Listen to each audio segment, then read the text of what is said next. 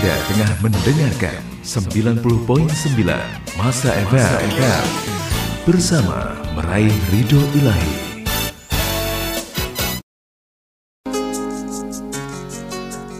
Bismillahirrahmanirrahim. Assalamualaikum warahmatullahi wabarakatuh. Dan wa syukuran ya Allah Salatan wa salaman ilaika ya Rasulullah Alhamdulillahirrahmanirrahim bertemu kembali bersama saya Amira di frekuensi 90,9 FM Radio Madinatus Salam yang dipancar luaskan di Jalan Pangeran Samudra, Gedung Orion Lantai 3, nomor 99 Banjarmasin. Radio penyejuk dan penentram nurani bersama meraih ridho ilahi. Bila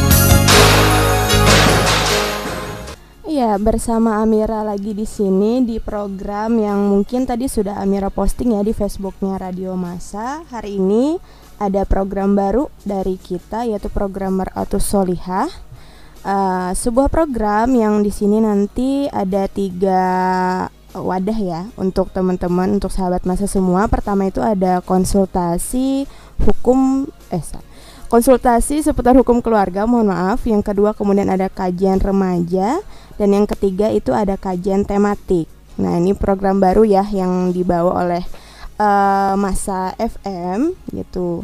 Yang hari ini e, kebetulan kita akan bahas tentang poin yang pertama tentang konsultasi seputar hukum keluarga yang akan diambil dari kitab Uqud uh, Uqudul Luzain fi bayani huquqiz zaujani. Kitab rumah tangga karya dari Syekh Muhammad Nawawi Al-Bantani. Yang hari ini Amira tidak sendiri Ya, Amira akan ditemani oleh narasumber yang luar biasa bersama dengan Ustazah Nazmi Azkia. Jadi stay tune terus ya di Madinatus Salam FM. Menjadi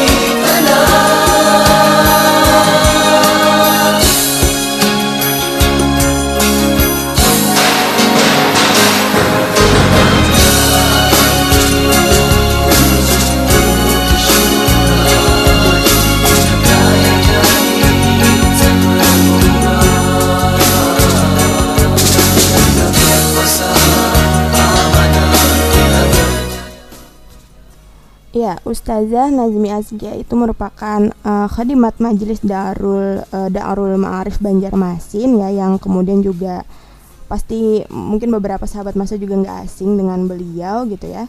Langsung saja mungkin karena hari ini uh, mulainya kita terlambat ya sahabat masa mohon maaf langsung saja Amira sambut di studio sudah ada Ustazah Nazmi. Assalamualaikum Ustazah. Waalaikumsalam warahmatullahi wabarakatuh. Iya, alhamdulillah uh, kabar Ustazah seperti apa hari ini? Khair, alhamdulillah. Alhamdulillah ya. Hmm. Hari ini uh, baru pertama kali nih uh, Amira ketemu sama Ustazah di studio gitu ya. Hari ini kita bahas tentang kajian kitab Uqudul Luzain fi Bayani Huquqi Zaujani. Tapi sebelum itu uh, Amira mau tanya dulu nih untuk Ustazah sendiri selain sebagai khadimat majelis Darul Ma'arif Banjarmasin itu aktivitasnya Ustazah sehari-hari ap sebagai apa Ustazah? Uh, aktivitas saya um, selain yang utama dan yang pertama dan utama tentunya sebagai umun warabatul bait sebagai hmm. ibu dan pengatur rumah tangga dan kemudian saya juga aktif dalam hal uh, melakukan aktivitas uh, dakwah di masyarakat. Oh, luar biasa. Nah, iya. Apalagi Ustazah? Kayaknya banyak nih. Ada lagi? Ya, yang paling utama dilakukan itu adalah menjadi umun warabatun bait saja. Wah, luar biasa ya. Narasumber kita hari ini aktivitas utama beliau katanya sebagai umu warabatul bait. Jadi memang gak salah ya, sahabat masa kita undang beliau untuk membahas kitab seputar rumah tangga nih ya Ustazah.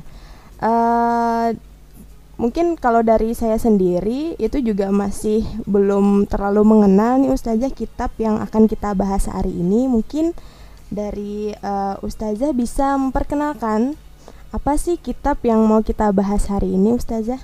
Iya. Uh, jadi kenapa saya memilih kitab dulu Jain fi Bayani Hukuki Zaujaini ini sebagai rujukan dalam kajian Maratus Solihah sesi konsultasi keluarga ini karena uh, sebagaimana kita ketahui bahwa saat ini banyak sekali ya problem-problem uh, rumah tangga yang e, masyarakat itu tidak memahami bagaimana solusi di dalam Islam. Nah, sebenarnya kalau e, saya membaca kitab ini, mempelajari e, kitab ini sangat bagus sekali sebenarnya e, menjadi kajian keilmuan e, bagi pasangan suami istri ataupun yang bagi yang akan ya calon pasangan suami istri yang mereka ingin menempuh kehidupan berumah tangga eh, agar mereka mengetahui bagaimana tuntunan Islam. Jadi kitab ini kan hanya seba, hanya salah satu kitab fikih keluarga saja. Salah satu saja itu ya yang yang di dikarang oleh uh, Syekh uh, An-Nawawi Al-Bantani itu ya. Nah, iya itu tadi perkenalan sedikit ya tentang kitab yang mau kita bahas hari ini dan jangan bukan jangan berkecil hati ya, tapi uh, informasi yang luar biasa gitu ini bisa sangat berguna kalau kata Ustazah Najmi itu untuk yang sudah berumah tangga maupun yang akan berumah tangga gitu ya. Nah, sebelum mungkin kita masuk lebih dalam gitu ya, mungkin bisa digambarkan Ustazah untuk kitab itu sendiri untuk uh, apa yang dibahas di dalamnya itu seputar apa saja Ustazah? Nah, jadi karena ini kita membahas ya kitab ini sebagai pengantar diskusi. Jadi eh, mau tidak mau kita kita harus membahasnya dari mukadimah dulu gitu ya, dari pembukanya dulu. E, bagaimana e, nih para penyusun ya, penyusun kitab ini yang beliau e, selalu memohon uh, rahmat dan ampunan dari Allah Subhanahu wa taala serta salawat kepada baginda Nabi Shallallahu alaihi wasallam uh, bahwasanya uh, ada sebagian orang-orang yang meminta uh, tentang dijelaskannya dia tentang kitab Uqudul Jain fi bayani hukuki zaujain ini.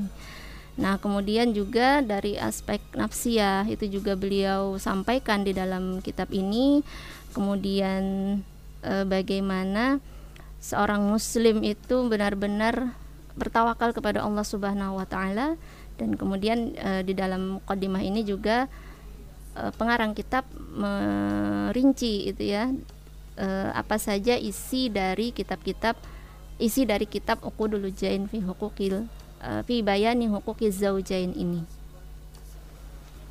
Oh ya itu tadi sahabat masa gambaran dari uh, isi ya yang banyak banget ternyata yang bakal dibahas di dalam kitab yang bakal kita bahas hari ini bersama Ustazah Najmi. Tapi sebelum itu, uh, sebelum masuk ke inti uh, diskusinya atau sharingnya hari ini, uh, Amira ingatkan ya di sini juga kita buka sesi sharing nanti atau uh, ada yang mau bertanya dari sahabat masa itu via telepon di 0511 3364909 atau lewat WhatsApp kita di 0812 5121 8554 atau yang memant uh, yang ngikutin Facebooknya Masa ya juga bisa berkomentar di kolom komentarnya status yang sudah Amira posting di pagi hari ini.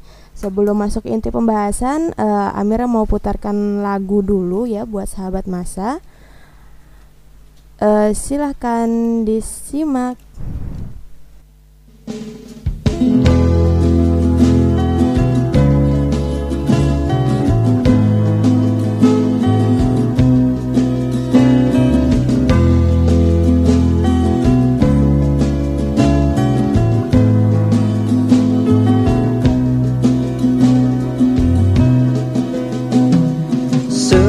Seutas tali memadu simpul tawamu Duhai kawan. Simpulnya jatuh di pelupuk nurani yang Tertambah cinta Cinta berkawan. Bersama nikmati semusim masa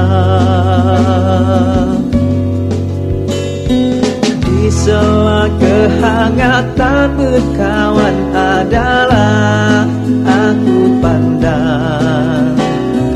Satu persatu garis wajahmu hai kawan Penuh harapan. Andai saja Terus bersama setiap masa Sehati. Suratan Tuhan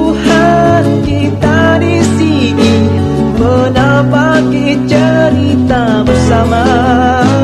Cinta berkawan karena sehati Dalam kasih ilahi. Tepiskan hal yang berbeda Agar kisahmu teramat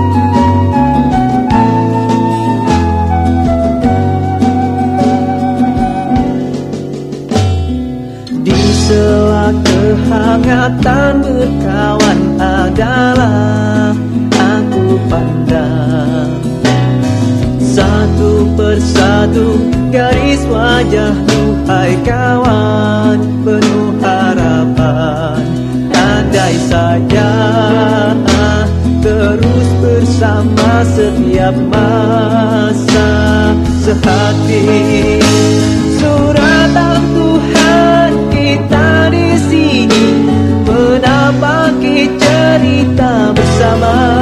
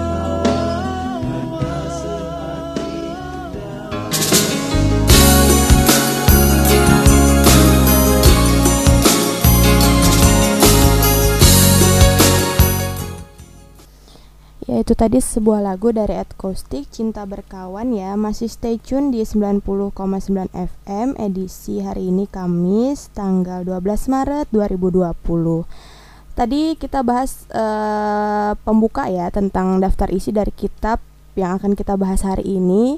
Dan kemudian kita langsung aja bahas tentang pendahuluan kitabnya nih ya Ustazah. Kira-kira isinya dipersilakan kepada Ustazah Nazmi Aski untuk menyampaikan Mukaddimah dari kitab yang mau kita bahas hari ini.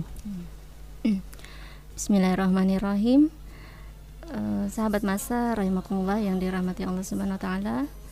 Jadi dalam kitab uh, muqaddimah uh, kitab Uqudul Lujain fi Bayani Huquqiz Zaujain ini di mana pengarang mengatakan bahwa kitab ini membahas tentang hak-hak dan kewajiban suami istri ya kemudian musannif juga bersyukur kepada Allah atas usahanya dengan dengan mengucapkan Bismillahirrahmanirrahim.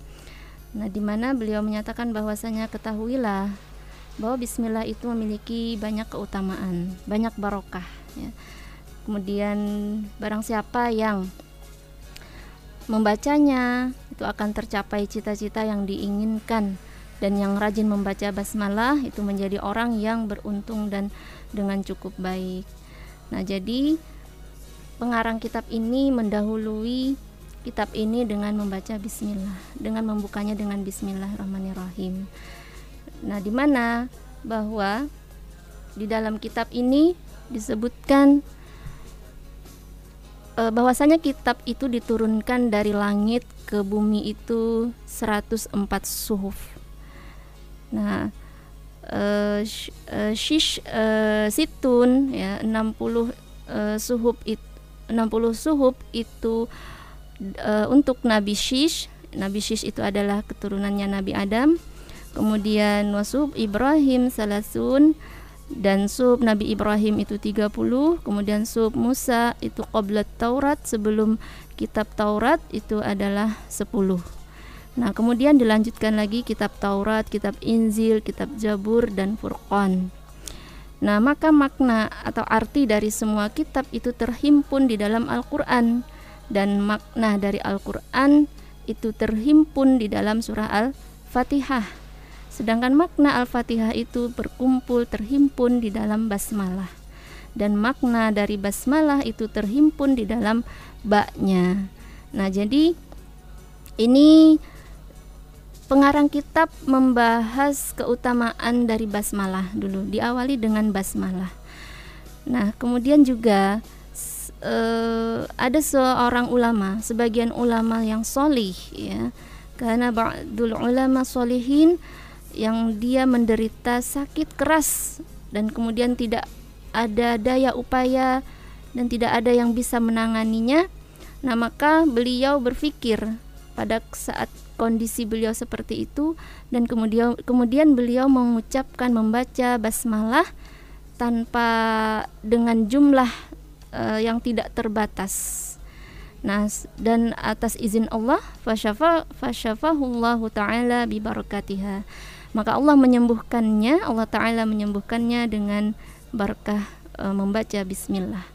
Nah jadi mukaddimah dari kitab ini adalah yang pertama disampaikan itu adalah keutamaan membaca basmalah kemudian juga bagaimana seorang ulama yang solih mengamalkan membaca basmalah ini ketika beliau sedang sakit dan membaca bismillah ini tanpa hitungan yang tertentu, tanpa batas dan ternyata berkat membaca basmalah Allah menyembuhkan penyakitnya. Nah, kemudian di dalam mukadimah ini juga disampaikan ada sebuah hikayah bahwasanya ada seorang wanita yang memiliki suami yang suaminya itu adalah seorang yang munafik ya. Yang munafik namun wanita ini mempunyai kebiasaan atas setiap keadaan baik perkataan dan perbuatan dia selalu membaca basmalah dia selalu membaca basmalah, kemudian pada suatu hari sang suami ingin mencelakainya, ingin membuat istrinya itu menjadi malu. Nah, kemudian apa yang dilakukan oleh suaminya yaitu bahwasanya e, suaminya meminta kepada istrinya untuk menyimpan suatu kantong, satu kantong yang isinya itu tidak diketahui oleh istrinya. Nah, kemudian si istri pun menurut, si istri pun taat ya apa yang diminta oleh suaminya. Padahal sang suami itu ingin berbuat mencelakai atau membuat malu istrinya, gitu ya.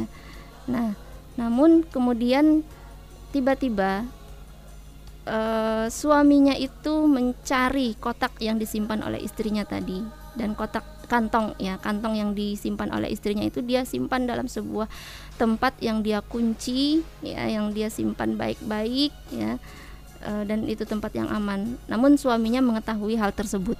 Nah, dan akhirnya kantong itu diambil oleh suaminya dan dibuang ke sumur.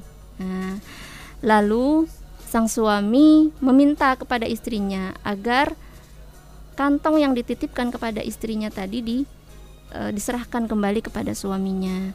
Nah, kemudian sang istri membaca Bismillahirrahmanirrahim dan dia mengambil e, kembali kantong tadi. Nah, ketika dia si istri tadi mengucapkan kalimat Bismillahirrahmanirrahim, maka Allah memerintahkan malaikat Jibril alaihissalam untuk cepat-cepat turun dan mengembalikan kantong pada tempatnya, sehingga sang istri mendapatkan dengan tangannya e, yaitu mengambil kantong tersebut dengan tangannya karena mengambil kantong tersebut. Nah, dan istri itu akhirnya menemukan apa yang dia dapatkan dan diserahkanlah kantong tersebut kepada suaminya dan ternyata suaminya terkejut kaget. Ah, hai, kenapa kantong ini kembali ke tempat yang disembunyikan disimpan oleh istrinya tadi. Padahal dia yakin sekali bahwa kantong yang dititipkan kepada istrinya itu telah dia ambil dan dia buang ke sumur. Nah, ini adalah hikayah e, bahwasanya seorang wanita yang taat kepada suaminya, kemudian dia bertawakal kepada Allah Subhanahu wa taala dan mengamalkan uh, Bismillahirrahmanirrahim ya, kalimat basmal, basmalah nah di sinilah uh, ternyata Allah memberikan pertolongan menjaga seorang uh, wanita itu ya, yang taat kepada suaminya dan juga bertawakal kepada Allah Subhanahu wa taala. Sehingga dengan melihat kejadian tersebut akhirnya sang suami um, bertaubat kepada Allah taala dari kemunafikannya. Ya subhanallah masya Allah. Ini adalah sedikit pembuka. Nah, kemudian pengarang kitab juga menyampaikan berbagai uh, tahmid, solawat itu kan agar mendapatkan keberkahan itu ya dengan dikarangnya kitab ini uh, yang beliau anggap ini hanya sebagian kecil risalah yang sangat kecil itu ya. Nah, namun sebenarnya manfaatnya begitu besar bagi kita. Nah, kemudian di dalam mukadimah ini juga pengarang menyampaikan e, kitab ini beliau bagi dalam empat e, pasal. Dalam empat pasal. Nah, pasal yang pertama itu adalah fi huquqi zaujati al-wajibatu yaitu penjelasan hak-hak istri e, sekaligus menjadi kewajiban atas suami. Nah, ini nanti juga akan dirinci lagi dalam uh, pembahasan kitab berikutnya, uh, pembahasan paragraf berikutnya. Nah, apa-apa saja yang itu menjadi hak-hak istri sekaligus uh, kewajiban bagi suami. Kemudian pasal yang kedua adalah uh, penjelasan tentang hak-hak suami sekaligus kewajiban atas istri. Nah, dua pasal ini menarik ya kalau kita lihat. Kenapa pengarang mendahulukan hak-hak istri dulu dibandingkan suami ya kan iya menarik nah sekali. baru setelah itu dibahas pasal yang kedua yaitu hak-hak suami yang menjadi kewajiban bagi istri nah jadi e, kalau misalnya dianggap Islam itu bias gender atau mendiskriminasi perempuan itu ya nah justru di sini kita temukan bahwa e, pengarang yang beliau ini laki-laki gitu ya tetap uh, mendahulukan hak-hak para istri, hak-hak hmm. istri itu ya, yang itu menjadi uh, kewajiban bagi suami. Nah, uh, ya akhirnya kan terbantahkan ya bahwasanya ketika para uh, apa ulama itu laki-laki ya lebih berpihak kepada perempuan, eh kepada laki-laki. Ya, nah, benar. itu kan uh, terbantahkan gitu ya. Nah, justru uh, perempuanlah yang lebih didahulukan itu ya untuk mendapatkan hak-haknya gitu ya dibandingkan suami. Nah, kemudian yang ketiga, pasal yang ketiga itu adalah penjelasan tentang keutamaan sholat bagi perempuan di dalam rumahnya e, dan e, ketika dia e, sholat bersama e, Rasulullah Shallallahu Alaihi Wasallam ya, dibandingkan ketika dia juga e, keutamaan dia sholat e, bersama Nabi Shallallahu Alaihi Wasallam. Nah, ini juga nanti akan dilihat itu ya bagaimana penjelasan dalam kitab ini. Kemudian yang keempat itu adalah pasal yang keempat penjelasan tentang eh, keharuman memandang gitu ya eh, bagi laki-laki kepada perempuan asing ya dan juga sebaliknya ya nah nanti ini juga akan dirinci lagi pembahasannya keharuman itu dalam batasan seperti apa ya yang dibolehkan itu seperti apa karena eh, interaksi laki-laki dan wanita ini juga tidak menafikan bahwasanya ada pandangan-pandangan yang diperbolehkan, ada pandangan-pandangan yang diharamkan oleh Allah Subhanahu wa taala di dalam uh, interaksi antara laki-laki dan perempuan. Nah, jadi ini adalah gambaran besar, gambaran umum ya, isi dari kitab uh, Uqudul Jain fi bayani huquqi zaujain ini. Wallahu a'lam. Ya, itu tadi ya. Ternyata eh, sub-sub di dalam kitab itu yang akan dibahas yang ternyata luar biasa sekali gitu ya.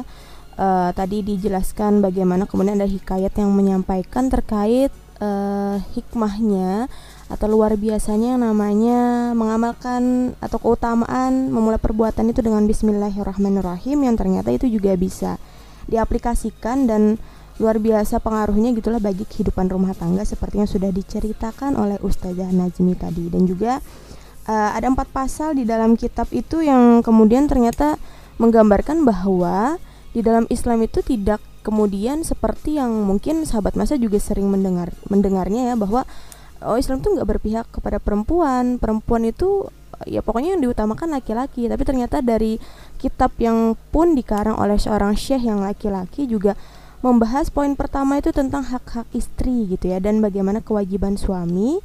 Yang kedua itu baru hak-hak suami dan kemudian ke kewajiban istrinya. Jadi didahulukan ya yang namanya perempuan yang wanita itu dalam Islam itu sangat mulia dijaga kehormatannya seperti itu ya Ustazah uh, dan kalau melihat dari pembahasan tadi Ustazah uh, korelasinya nih misalnya uh, karena topiknya cukup cukup mena cukup menarik gitu ya bagi mungkin yang sudah berumah tangga dan juga yang belum gitu.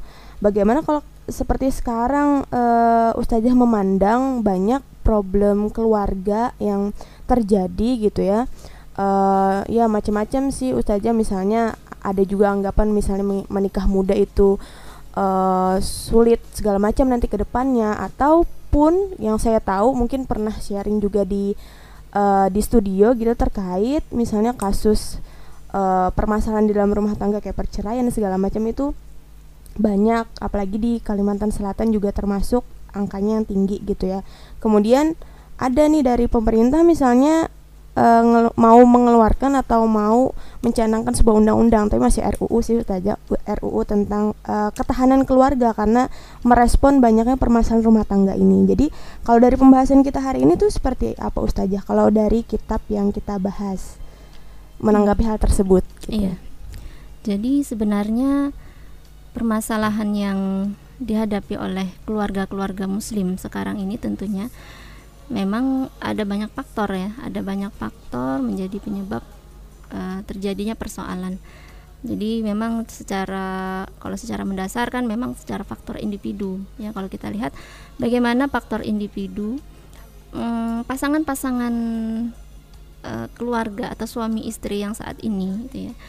Kalau kita lihat uh, secara umum itu mereka sangat jauh ya, sebenarnya sangat jauh sekali dari tuntunan-tuntunan uh, Islam ya. Atau bahkan uh, mereka banyak yang tidak tahu ya, banyak yang tidak tahu kan persoalan suami istri secara individu itu kan sebenarnya hanya terkait dengan masalah hak dan kewajiban gitu ya. Hak saya sebagai istri apa hak saya sebagai suami apa atau kewajiban saya sebagai istri bagaimana dan juga sebaliknya gitu ya nah jadi diawali dengan ketidakpahaman tentang bagaimana mm, memahami masing-masing hak-hak dan kewajibannya inilah yang kadang ini menjadi pemicu. Awalnya akan menjadi pemicu e, persoalan di dalam rumah tangga. Ya misalnya uh, istri uh, tidak memahami tentang uh, bahwa suami itu punya hak untuk dihormati ya untuk ditaati misalnya ya Nah, kadang kalau istri tidak paham bahwa itu adalah sebuah hukum syara yang wajib, yang mengikat mereka, banyak kan pas para istri-istri itu yang akhirnya dia melanggar, melanggar eh, hak-hak suaminya. Ya misalnya dia keluar rumah tanpa izin tadi ya, atau tidak menjalankan kewajibannya di rumah, ya kan. Nah, kemudian si suami ini merasa bahwa istrinya ini adalah orang yang tidak taat itu kan. Nah lalu akhirnya kan si, si suami akhirnya melarang lah dan sebagainya. Nah sehingga akhirnya muncullah e, persoalan itu kan antara suami istri seolah-olah istri ini dikekang dan sebagainya.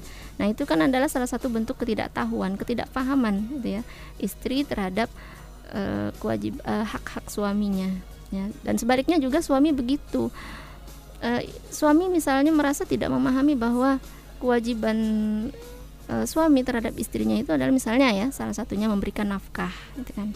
Nah kan banyak ya problem rumah tangga sekarang terjadinya e, pemicu perceraian itu adalah karena faktor ekonomi ya.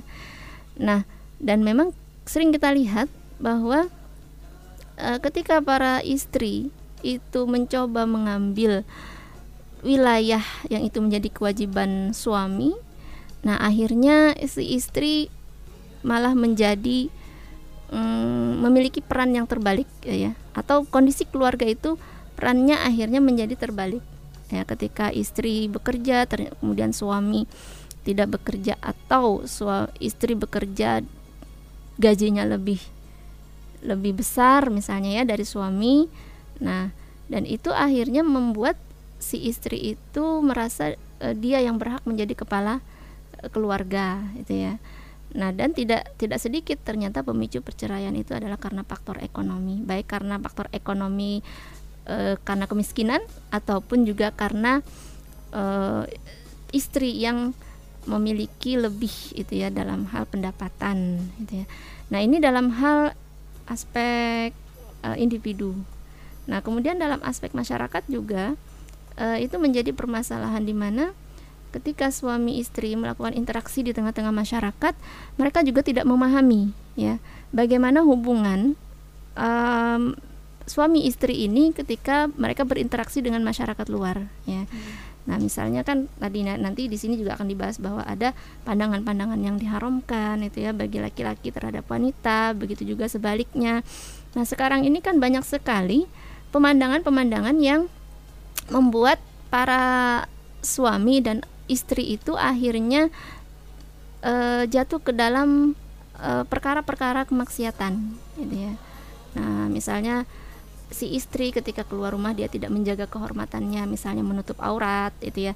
Nah, akhirnya itu membuat orang-orang yang berada di luar, misalnya laki-laki itu ya, ketika mereka memandang aurat perempuan itu akhirnya memicu gitu ya, memicu uh, keinginan atau bahkan memicu pemikiran-pemikiran yang negatif gitu ya. Nah, ini juga berkaitan dengan bagaimana e, masyarakat gitu ya tidak me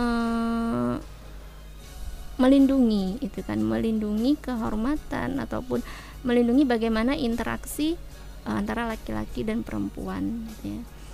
Nah, kemudian yang berikutnya yang ketiga itu adalah e, bagaimana kondisi e, lingkungan negara atau sistem gitu ya yang ada di uh, lingkungan kita saat ini yang di uh, sistem yang sedang dijalankan saat ini.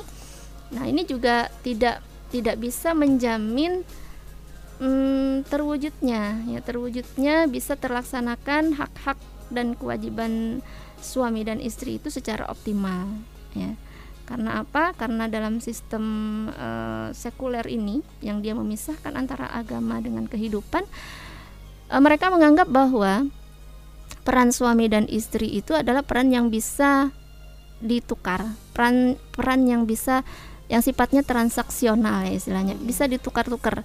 Kalau misalnya si istri lebih punya peran dalam hal dunia ekonomi mm-hmm. nah maka bisa jadi si suami akan menggantikan peran istri ya. Mm. jadi uh, apa ya akadnya itu adalah akad transaksional istilahnya maksudnya ya tadi bisa bertukar peran. Nah, ini yang sekarang ini diciptakan oleh negara. Karena apa? Karena negara sekuler atau kapitalis ini dia memandang bahwa ya manusia itu adalah manu- manusia yang berkualitas itu adalah manusia yang mampu menghasilkan materi gitu ya. Jadi tidak lagi memandang atau bahkan melanggar batasan-batasan yang itu berkaitan dengan hukum-hukum syara seputar eh, hak-hak dan kewajiban suami istri. Oh iya, jadi eh, memang faktor yang mem- apa ya kalau kita memandang permasalahan yang terjadi gitu ya di rumah tangga itu ada tadi faktor individu ya Ustazah, kemudian masyarakat dan juga negara. Misalnya di neg- eh, dari negara pun sudah ternyata mengeluarkan semacam RUU dan segala macam, tapi ternyata dari aspek individunya yang kemudian tidak memahami tadi ya eh, peran masing-masing gitu, peran istri, kemudian peran suami apa, bahkan eh, di masyarakat sekarang itu katanya tadi yang sangat menarik saya simak itu terkait bertukar peran. Karena memang banyak ya ustazah sekarang itu eh, apa ya kalau istilah itu semacam kayak bapak rumah tangga ya. Karena istrinya yang bekerja gitu ya keluar dari aspek ekonominya kemudian ya suaminya di rumah gitu. Eh, menggantikan peran istri yang memang itu sebenarnya ya tugas istrinya tapi bisa digantikan oleh suami gitu dalam kondisi saat ini yang eh, Amira sendiri ngelihatnya juga nggak sedikit seperti itu gitu. Jadi ternyata memang eh, nggak nggak in nggak bukan nggak instan ya nggak mudah ya memikirkannya dan tidak eh, dalam hal rumah tangga itu juga bukan suatu hal yang ya bisa mengalir begitu saja. Ternyata eh, harus kita pahami betul-betul ya sahabat masa tadi eh, bagaimana kemudian hak masing-masing gitu. Kemudian eh, haramnya. Tadi juga saya sangat eh, ambil poin tentang haramnya gitu ya masalah keharaman memandang bagi misalnya eh, suami kepada wanita asing gitu ya dan juga sebaliknya gitu. Dan kalau kita lihat dari di masyarakat kan juga masalahnya seperti itu ya ya biasa gitu ya. Tadi misalnya istri menjaga kehormatannya ketika di luar apakah harus menutup aurat misalnya atau tidak tapi faktanya kita bisa lihat sendiri.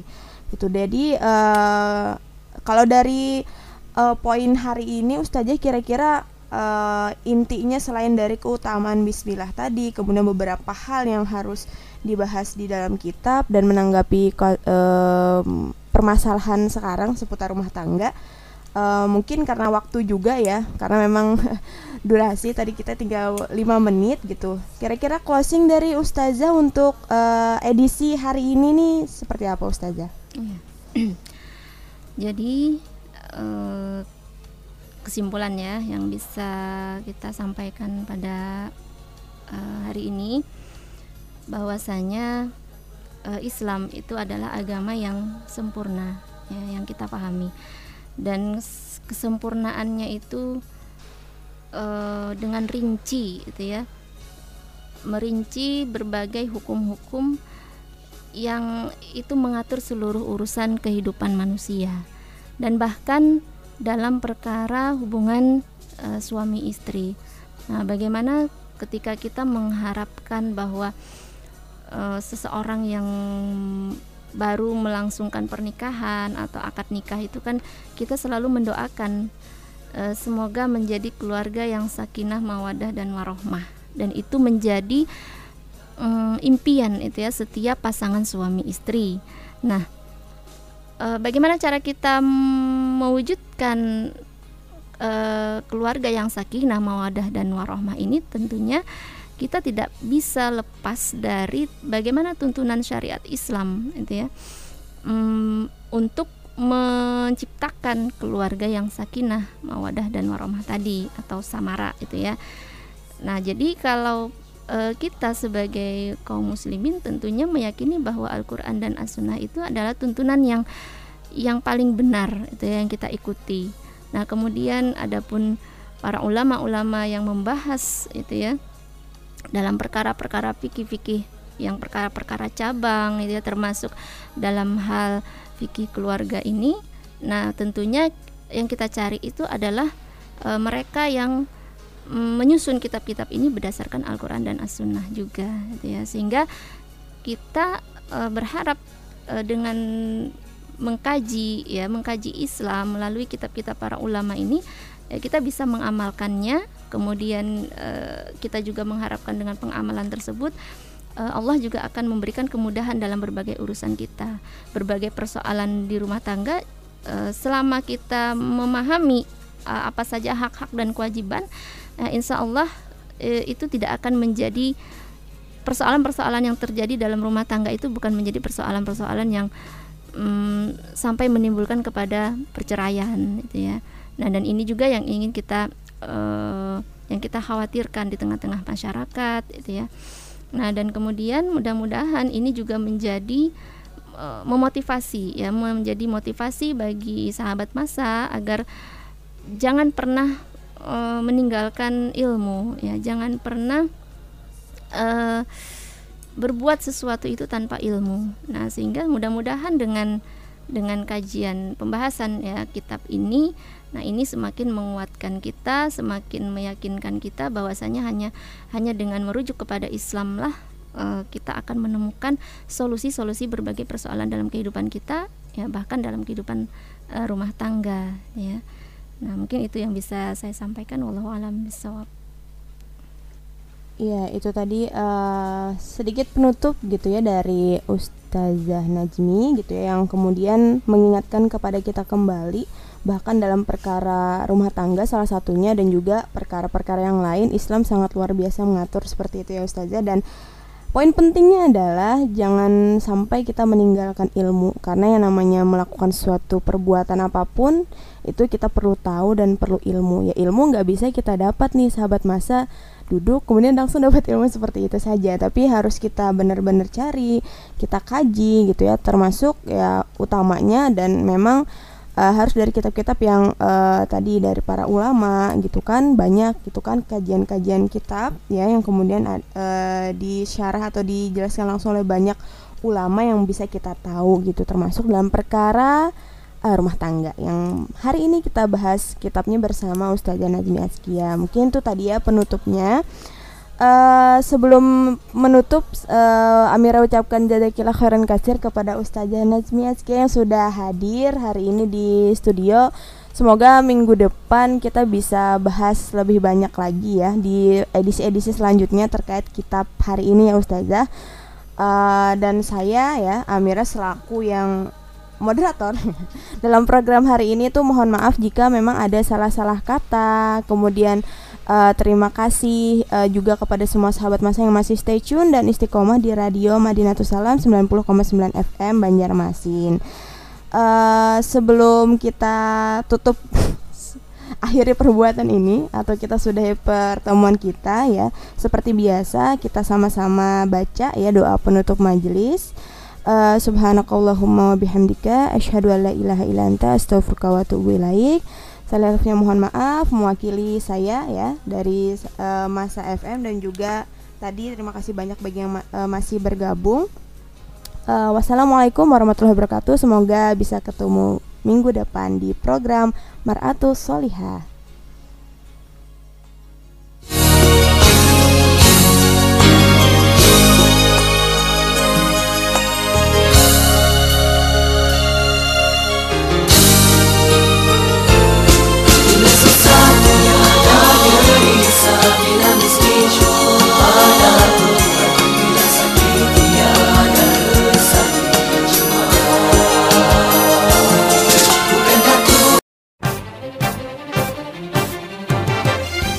Anda tengah mendengarkan 90.9 Masa FM bersama meraih ridho ilahi.